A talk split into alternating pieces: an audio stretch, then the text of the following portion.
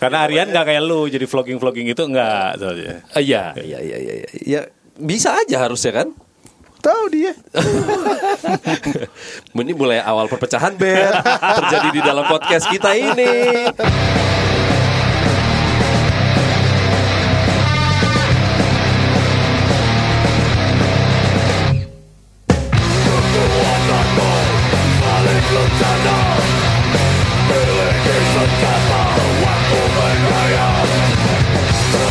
Kami akan membuka podcast kali ini dengan menyatakan bahwa Jepang adalah surga. Iya. Surga apa pun, surga makanan, surga alat musik, surga kaos band, surga live house, surga semuanya. Intinya di, Gila. di Jepang itu lu manusia yang seperti apa, lu hobinya apa, lu akan difasilitasi di situ. Bener, bener, bener, bener. Iya. lu suka Senits musik. apa pun lu ya gitu. Iya. Iya, iya, iya. Apa pun nih, Lu, su- bener-bener apa pun. lu suka film yang aneh-aneh? Ada. Ya, iya, iya, iya, iya. Iya kan? Heeh, heeh. Apa pun fetish lu. Mm-mm, betul. Bokep yang aneh ada. Ada. ada. Lu mau makan apa aja juga kayaknya ada ya. Iya, Maksudnya binatang-binatang aneh juga yang masih hidup bahkan gitu dimakan juga ada gitu. Semua kayaknya ada.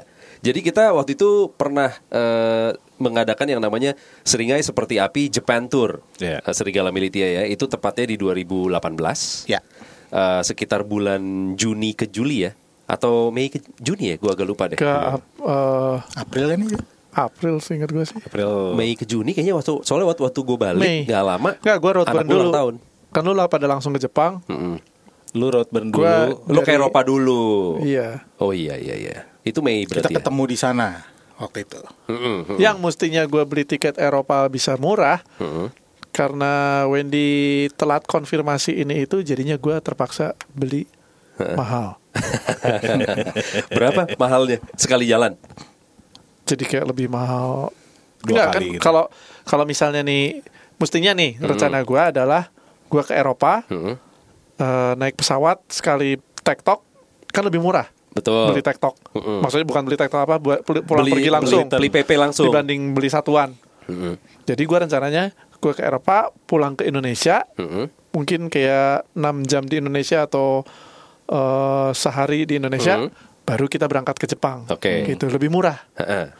Ternyata karena jadwalnya set set set, set salah, makanya kan kita mestinya ada satu hari kan kita nggak bisa kan? Iya, karena lu Gara-gara belum gue nyampe. baru belum nyampe. Betul. Padahal gue udah kasih jadwal tanggal udah dari Jauh awal. hari. Mm-mm. Jadinya gue kepaksa beli perginya dulu, Mm-mm. berangkatnya ke- dari sana langsung ke Jepang. Mm-mm. Yang ternyata lebih mahal. Eh, Udah pasti? Beda, pokoknya beda 5 atau 7 juta aja. Oh, Gitu. ya lah segitu doang. Nih, nih, nih, iya benar juga. sorry sorry, thank you thank you Sam. Kebetulan di kantong gue lagi ada Thank tadi you bos. Iya, kembalian warteg. Tapi 7 juta. Lalu Kembalian warteg. waktu di gua sebelum ke sana Mm. Ke Eropa kan gua nonton Roadburn Festival tuh. Mm-mm. Yan gimana kalau untuk konten YouTube lu juga merekam? Oh gitu ya. Ya udah. Tapi kamera cuma satu, lu cari kamera lagi. Oh ya udah. Akhirnya gue beli kamera. Oh gitu ya. Gue beli kamera. Oke. Bagus lah. Heeh. Gue rekam rekam rekam rekam. Gue kasih kemot. Kata kemot nggak kepake. Lu harusnya nanya dulu berarti. Iya iya iya. gue ngerekam dulu lu. gue beli, gue beli beli kamera kecil. Terus beli apa? Tongsis. Ya bukan yang duduk kan yang bisa Oh tripod. tripod juga tripod kecil itu. Wah, niat habis. Heeh. Terus kata kemot gak kepake footage-nya. nggak kepake footage ya padahal gua gua rekam satu-satu tuh ini ada ini ada ini oh ini ini ini ini ini ini nggak kepake Ah, lu nggak ngentot. komen, minta masukin. Enggak, gua komen. Kata lu nggak kepake. Gua pas video keluar, loh, yang ini mana mod? Nggak kepake. Gue curiga lu belum lihat aja. Udah lihat, udah lihat gua. Karena Ya, nggak kayak lu jadi vlogging vlogging itu nggak soalnya. Iya, iya, iya, iya, iya. Ya bisa aja harusnya kan. Tahu dia. Ini mulai awal perpecahan band terjadi di dalam podcast kita ini. Nggak apa nggak apa nggak apa apa. Eh. Nanti gua balas. Oh gitu, oke. Sip, Balas terus kan? Ini kita di bulan eh, Mei berarti tadi ya. Salah bukan Juni Juli tapi Mei ke Juni. Itu kita sempat ke Tokyo. Waktu itu seringai Nah dapat kan tawaran kalian tour. Langsung ke Jepang kan. Gue ke Eropa dulu. Tadi udah. Oh, udah, udah. udah. Sorry, sorry, tadi udah sorry, kebetulan. Kalau nggak salah Iya, tapi ya. Iya, iya. Iya, iya, iya, iya. Pongah banget sih kayak Eropa aja. Harus diulang-ulang. Ini kita lumayan berutang budi sama teman-teman kita kan dari Rivas ya. Keluarga Iya. kami di Jepang yang udah berbaik hati ngurus kita, terus organize eh, turnya juga, eh, jadi host yang baik dan lain-lain. Karena selama ini kita emang bagian dari kegiatan itu kan, festival yang diadakan sama Tomoki. Betul. Everloud. Mm-mm.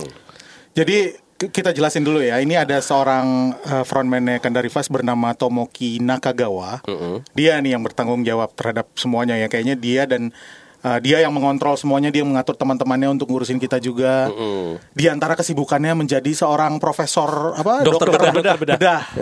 Di- Surgeon. Surgeon tapi main band grindcore. Iya. Nah, jadi aneh juga nih orangnya. Iya iya. iya. Nah, dia dia- dia, dia tuh ngatur main tuh. di Hayokten Festival kan Main, bandnya. main, ya. Jadi gantian kita gantian mainin Kandarivas di acara kita. Iya, Sebagai balas betul. budi juga kan. Dia ngasih tour 5 titik, Mm-mm. kita kasih dua. Iya lumayan.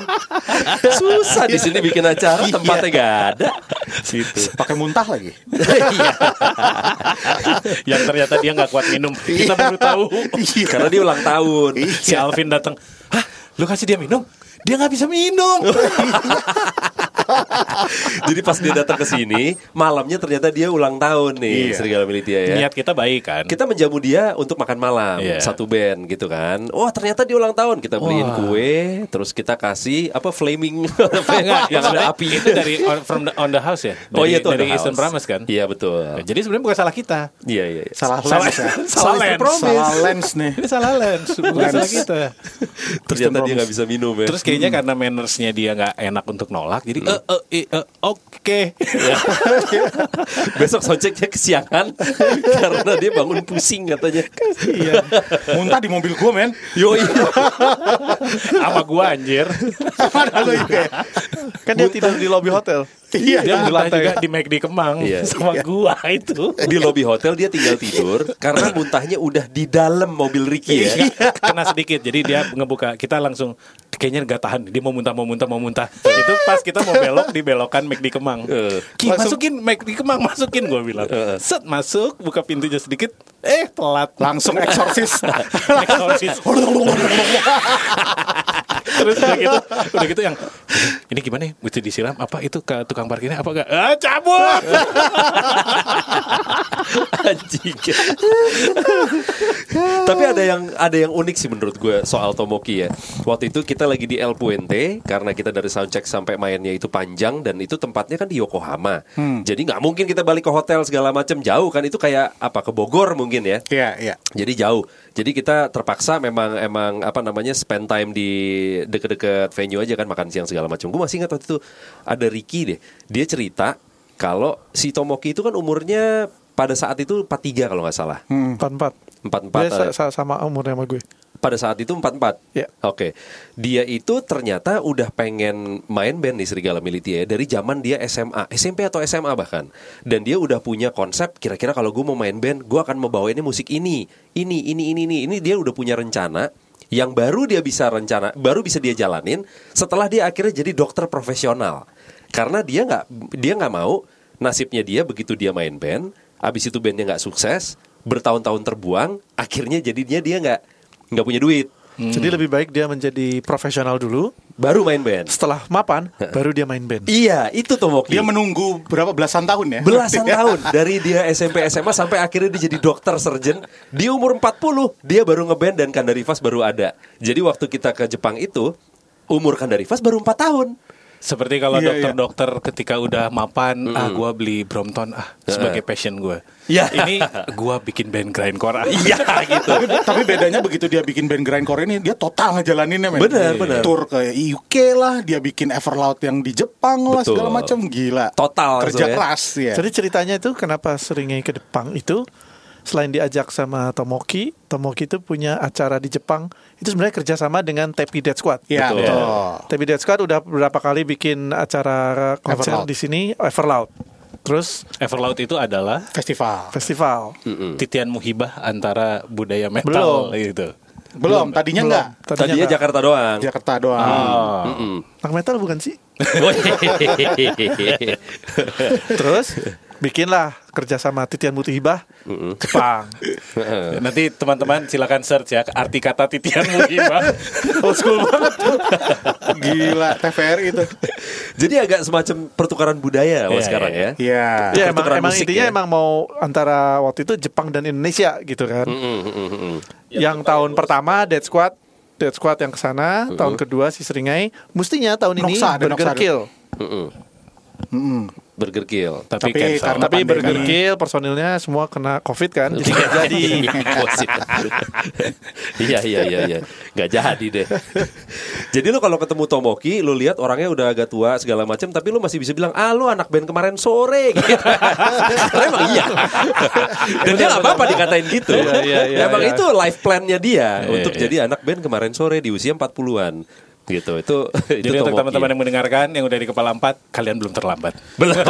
Tapi ini ya, Tapi itu itu benar, maksudnya bisa benar soalnya banyak juga yang gua tahu teman-teman main band, bandnya mungkin eh, satu band mungkin nggak ada motornya gitu, jadi bandnya nggak ke mana-mana, Hmm. nggak ke mana-mana. Sementara mungkin dia mau nikah, mau berkeluarga, jadinya bingung.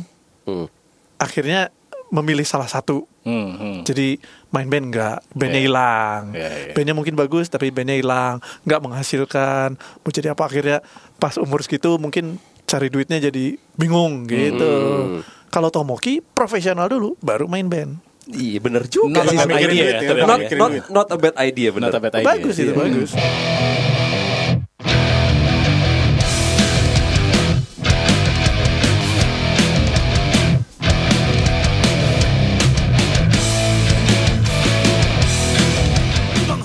Tapi gila ya, apa Jepang tuh emang kayak planet lain ya. Gue merasa itu loh waktu kita main di sana tuh banyak eh, hal-hal baru yang nggak ada di sini gitu yang yang yang terjadi di sana. Kayak misalnya sebelum manggung di di klub itu semua pemain bandnya ngumpul dulu yuk, Iya, iya, iya. bikin lingkaran, Iya. Saling memperkenalkan saling diri. memperkenalkan diri satu-satu. Itu Iya. itu gue baru sekali itu mengalami iya, kayak iya. gitu. Walaupun Itu- mereka itu- ada yang udah kenal ya. Kalau di Kalau luar sih di yang lain klub-klub gitu kecil juga gitu sih? Gitu ya. Karena itu klub kecil karena mereka datang semua paling total 6 8 band. Jadi Hmm. bisa kalau di Indonesia kan kayak di Saparua atau di Bulungan Puluhan. 30 band.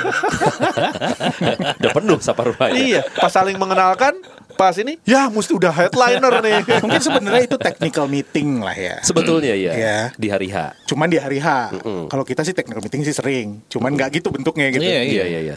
Terus lagi itu menganjurkan untuk kalau lu mau makan minum di tempat ini juga, jangan dari luar gitu. Maksudnya itu kan tujuannya untuk menghidupkan si tempatnya supaya survive gitu si venue-nya gitu. Karena dia venue kecil tapi proper. Sama ini ya, sama ternyata di sana budayanya adalah kalau menurut Tomoki itu adalah kalau misalnya kita main di festival, kita gue bikinin acara buat lo nih. Eh, ini band-band ini mau di apa main di acara untuk mensupport lo. Berarti kita semua ada dari awal ya. Iya. Nonton semua band ya. Jadi Nah, semua band gitu. nonton semua band. Iya. Iya kan? Jadi- dari kan dari soundcheck dari pernah situ. dengar nggak ceritanya dulu? Zaman Minor Threat band hardcore Iya. Amerika manggung. Mereka berkesempatan kalau nggak salah main bareng Sex Pistol. Hmm, Sex Pistol headlinernya.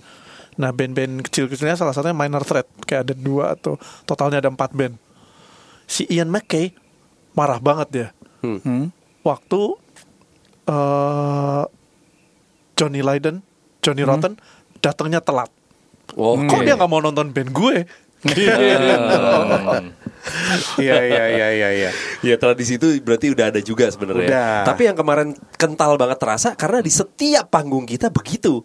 Ada berapa? Empat, lima panggung selama di Jepang? Empat. Ya empat empatnya begitu kan? Iya, iya. Empat empatnya kita datang dari awal dari soundcheck sampai berapa? Dua tiga jam setelah soundcheck acara mulai, kita udah nonton band pertama sampai band terakhir kita masih di situ nonton semua band gitu kan.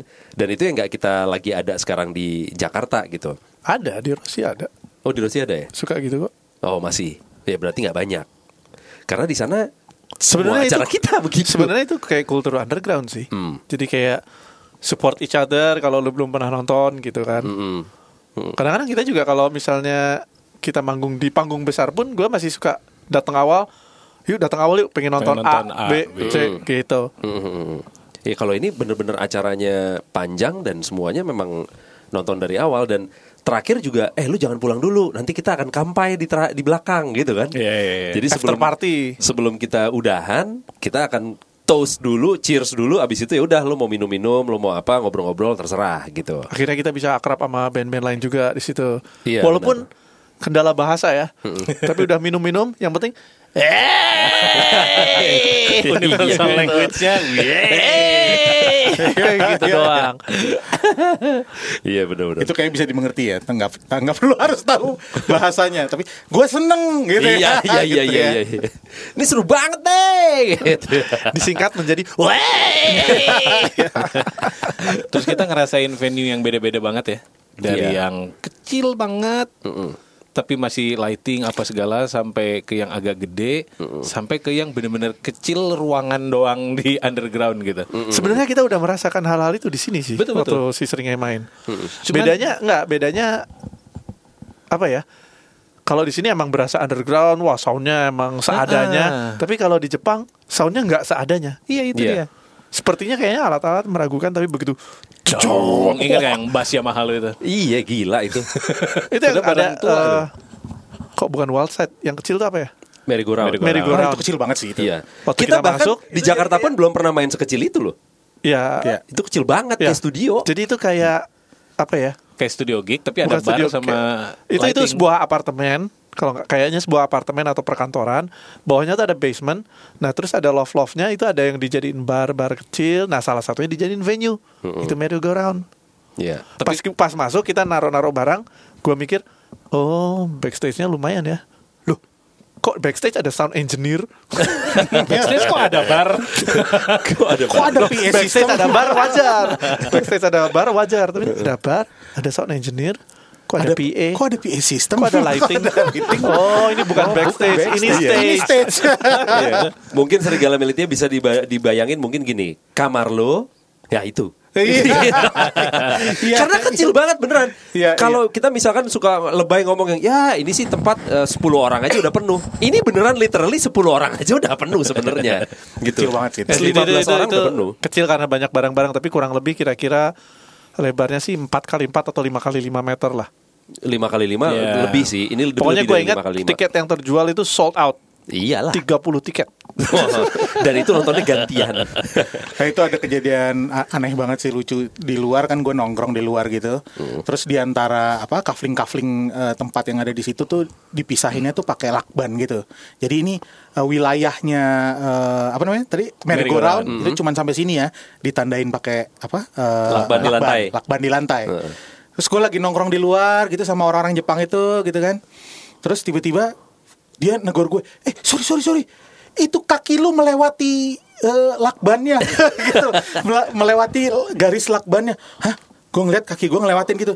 Terus gue geser kaki gue sekitar 5 cm ke kiri gitu, biar nggak ngelewatin lakban. Set. Ah, ini baru oke. Anjir, gua Strict ya, mereka strict ya. Wah, ini gokil listriknya. Tapi kan emang orang Jepang terkenal ini disiplin juga ya. Iya, Iya, iya, iya, iya. iya. Gue udah tahu. iya, iya. Iya sih. Salah satu lesson yang gue ambil dari situ sih mungkin live house live house ini mau dia kecil mau dia gede, eh, secara kualitas sound segala macam kan memang ter- terjaga. Bahkan lighting pun diadain walaupun nggak nggak gimana gimana banget gitu kan. Tapi yang bikin dia hidup ya itu tadi Saling support. saling support sama ya itu beli minum sama beli makanan kalau emang lo mau makan mau jajan mending di sini aja daripada di luar. Supaya tempatnya hidup. Iya karena daripada lo makan di luar mending lo makan di sini dia ada pemasukan lu juga kenyang sama-sama Iya. happy gitu kan itu satu Itu itu kalau di Antinok kan. ya kalau eh, orang-orangnya sendiri juga misalkan kita main di El Puente yang Yokohama kecil banget harga tiketnya mungkin kalau di rupiah di tiketnya juga 200 Maksudnya gini ribu. nih Kalau acara underground di Let's say di Rossi Hmm. Itu ada band luar Tiket paling mahal itu kalau nggak salah 50 ribu saja Hmm. Soalnya kalau di atas 50 ribu Orang cenderung nggak mau datang Kemahalan Hmm, hmm, hmm. Sementara kalau band lokal Mungkin berapa? 20, 25 gitu ya Hmm. Sementara kalau di Kayak di Antinok Antinok gitu Hmm. Tiketnya kalau dikurskan Kayak band underground Itu tiketnya 300-400 ribu Iya, iya, Iya, iya. iya. Iya. Dan beli minum juga di situ Mm-mm. Kalau di Indonesia kadang-kadang minta minta pas, Mm-mm. dan kadang-kadang datang-datang udah mabok kan. Jadi makanya di, eh, venue-venue di Indonesia jarang berhasil bertahan lama. Oh, Oke, iya. Karena nggak ada pemasukan. Pemasukannya kalau mengandalin dari tiketing susah juga. Nah ini sebenarnya menarik nih karena waktu di Jepang itu gue sempat kok eh, foto eh, terus gue masukin ke Insta Story kalau harga tiket mereka sekian, harga mereka sekian, bir harganya sekian, makanan harganya sekian, terus gue post. Tujuan gue adalah ini wacana aja di Jepang tuh seperti ini. Gue tidak membandingkan, gue juga tidak lagi komplain kan- kondisi di Jakarta atau di Indonesia seperti apa, tapi banyak netizen yang nge-reply story gue dengan yang ya tapi beda kan bang tingkat pemasukan mereka UMR mereka sama kita mereka bisa bayar segitu kita enggak gitu poin gue bukan mereka bisa bayar 300 lu jadi harus bayar 300 enggak tapi kalau misalkan ada tiket ya lu jangan minta jebolan gitu kan Iya. walaupun 20 ribu Buat apa? Supaya tempatnya hidup. Betul gitu. Jadi bukan gua ngebandingin harganya, justru pengen ngasih tahu kalau mereka tuh mau bayar gitu. Mungkin memang mereka lebih kaya jadi bisa belajar bayar lebih mahal. Tapi menurut gue mereka juga nggak lebih kaya. Hmm. Mungkin mereka, let's say gajinya lebih tinggi. Kalau di sini UMR-nya berapa? Empat juta setengah. 4 juta, 4 juta setengah. Kalau di sana mungkin 10 juta. Tapi kan pajak juga lebih tinggi di sana. Jadi Betul. sebenarnya sama-sama aja timbangannya gitu maksudnya. Iya, cuman memang mereka mungkin bisa lebih irit karena mungkin eh, Public transportasi publiknya Ya. udah Bagus. jalan Hmm. gitu. Mm-mm. Iya sih. Jadi mau lu mau dari eh, Depok lu kantornya di Jakarta Pusat, lu bisa nggak telat, tapi lu juga tetap cukup nyaman gitu. Mm. Tapi kasihannya sekarang venue-venue ini pun struggling ya di situasi pandemi Yang ini. Gua ada ngeliat- acara. Gua Iya. ngeliat beberapa post kan mereka akhirnya bikin activity untuk kan kita ikutan sering Ngai. Iya, kita iya, ikutan support di benefitnya buat El Puente Yokohama. Hmm. Jadi nanti Serigala Militia bisa lihat di salah satu post Instagram di Seri- eh, Seringai. Mm-mm. Itu ada kita ikutan eh, kompilasi album dari di Bandcamp Ya. yang bisa lu bayar berapa kayak 5 dolar atau lu mungkin cuman streaming aja itu udah si El Puente dapat pemasukan.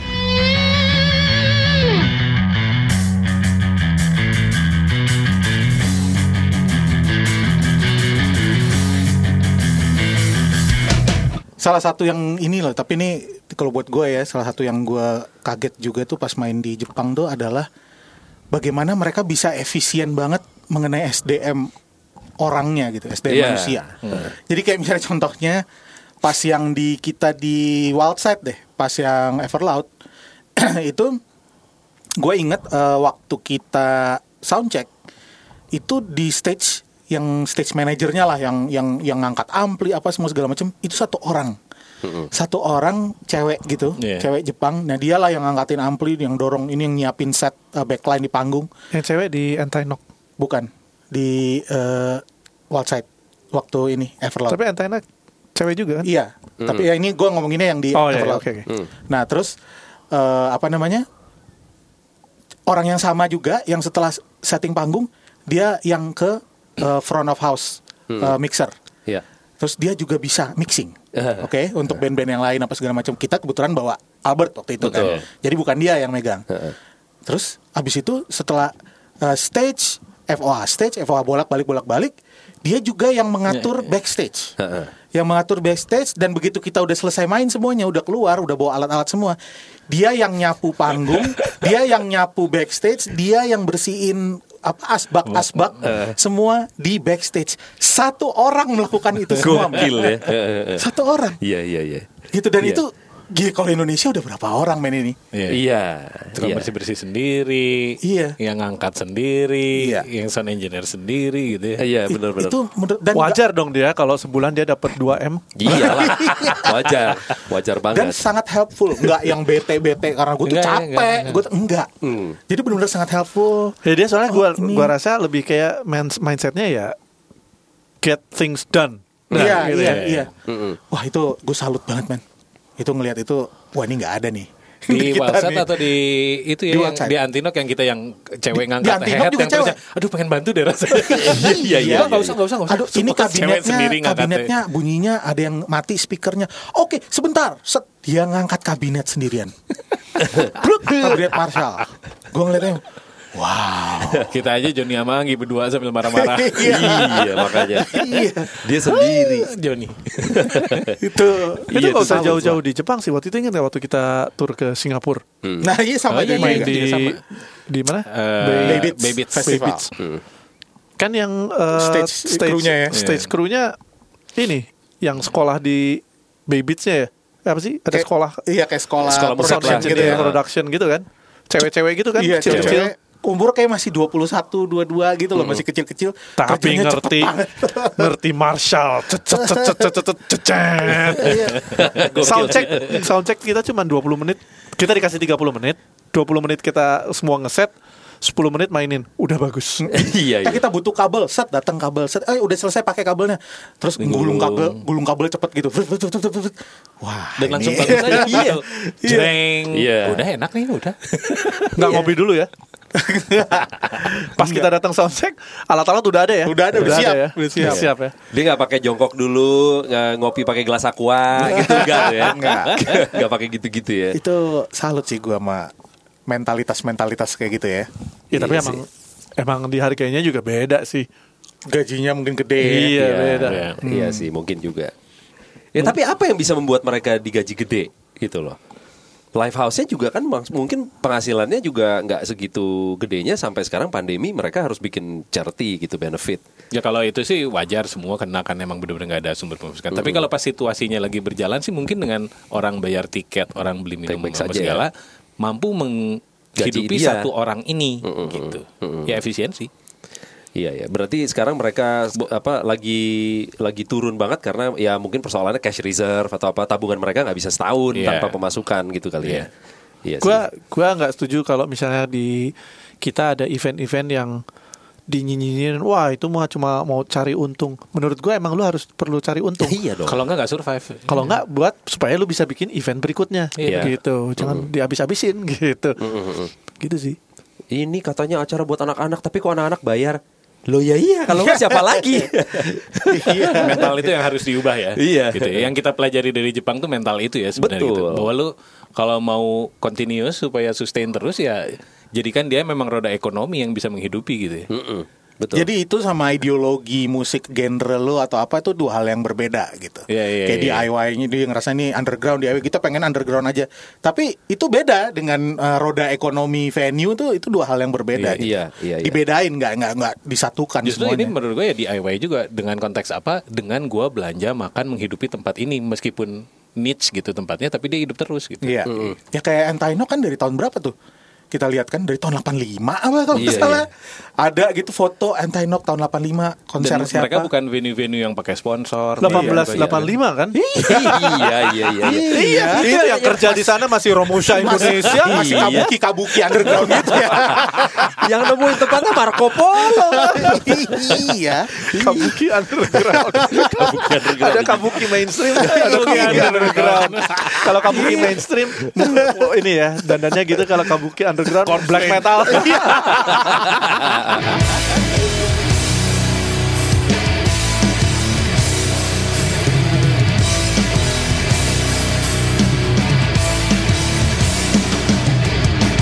Ada satu hal lagi yang gue pelajari dari Jepang adalah lu beneran bisa hidup nggak ke mana-mana cuman ke Family Mart gitu kan ya. Karena di depan Airbnb kita persis itu bawahnya langsung lu Family ngintip Mart. dari lantai dua Family Mart. Apa pun gitu. yang lo mau ada. Minimarket ya, minimarket itu ya. Iya, jadi lu dari sarapan lu makan di situ bawa pulang kenyang. Makan siang kalau sampai kepepet situ juga kita lagi males Ada. keluar, ada kenyang. Malam pun juga kenyang. Jam 3 pagi pun ada, makanan Waktu kenyang itu juga. waktu Ricky pertama ke Jepang waktu itu gua kasih ini gak sih? Lu gua kasih lu cobain nih. Apa? Kayak sejenis pop mie jadi ramennya. Oh iya, ramen Michelin Star itu bukan? Iya. Pas dimakan. Bener-bener. Anjing enak banget. iya iya, enak banget sih itu enak banget. Tapi itu ini ya lucu ya ternyata hidup bersama kita berapa orang itu tujuh ya? Tujuh. Tujuh orang hidup di Selama satu tujuh hari. satu apartemen tujuh hari dengan satu WC. Iya. bener bener bener. Itu- Dan itu nggak ada WC buat boker dan mandi ya? Eh ada dipisah Ada, ya. dipisah. Boker Iya, sendiri, Mandi mandi, sendiri. sendiri. Oh iya. Iya. Kalau nggak dipisah sih berantem sih total. Dan itu kita setelah bertahun-tahun nggak pernah tidur bareng ya. Iya, iya, iya. Karena biasanya kalau manggung dapat kamar masing-masing. Iya, iya. Jadi kita iya, ngambil iya. Airbnb yang bisa muat untuk berapa? Maksudnya berapa? 12 orang ya? Sepuluh ya, kalau nggak salah. 10, 10 apa 12 gitu. Diisi 7. Terus di bawahnya ada bar. Iya, Iya. persis di bawah lantai kita tuh ada bar. Kita di lantai dua. Tiga Memang bang- lantai ya itu berarti bangunannya cuma tiga lantai. Lantai dua dan tiga tuh kita. Bawahnya tuh bar. Nah bar itu ternyata yang punya adalah si owner Airbnb yang di atasnya itu kan. Iya, iya, iya. Yang se- setelah tujuh hari gue yang janji sama Kemot, ayo minum-minum di bawah, minum-minum di bawah. Nggak kejadian. Nggak kejadian. Kemot selalu minum-minum sendiri.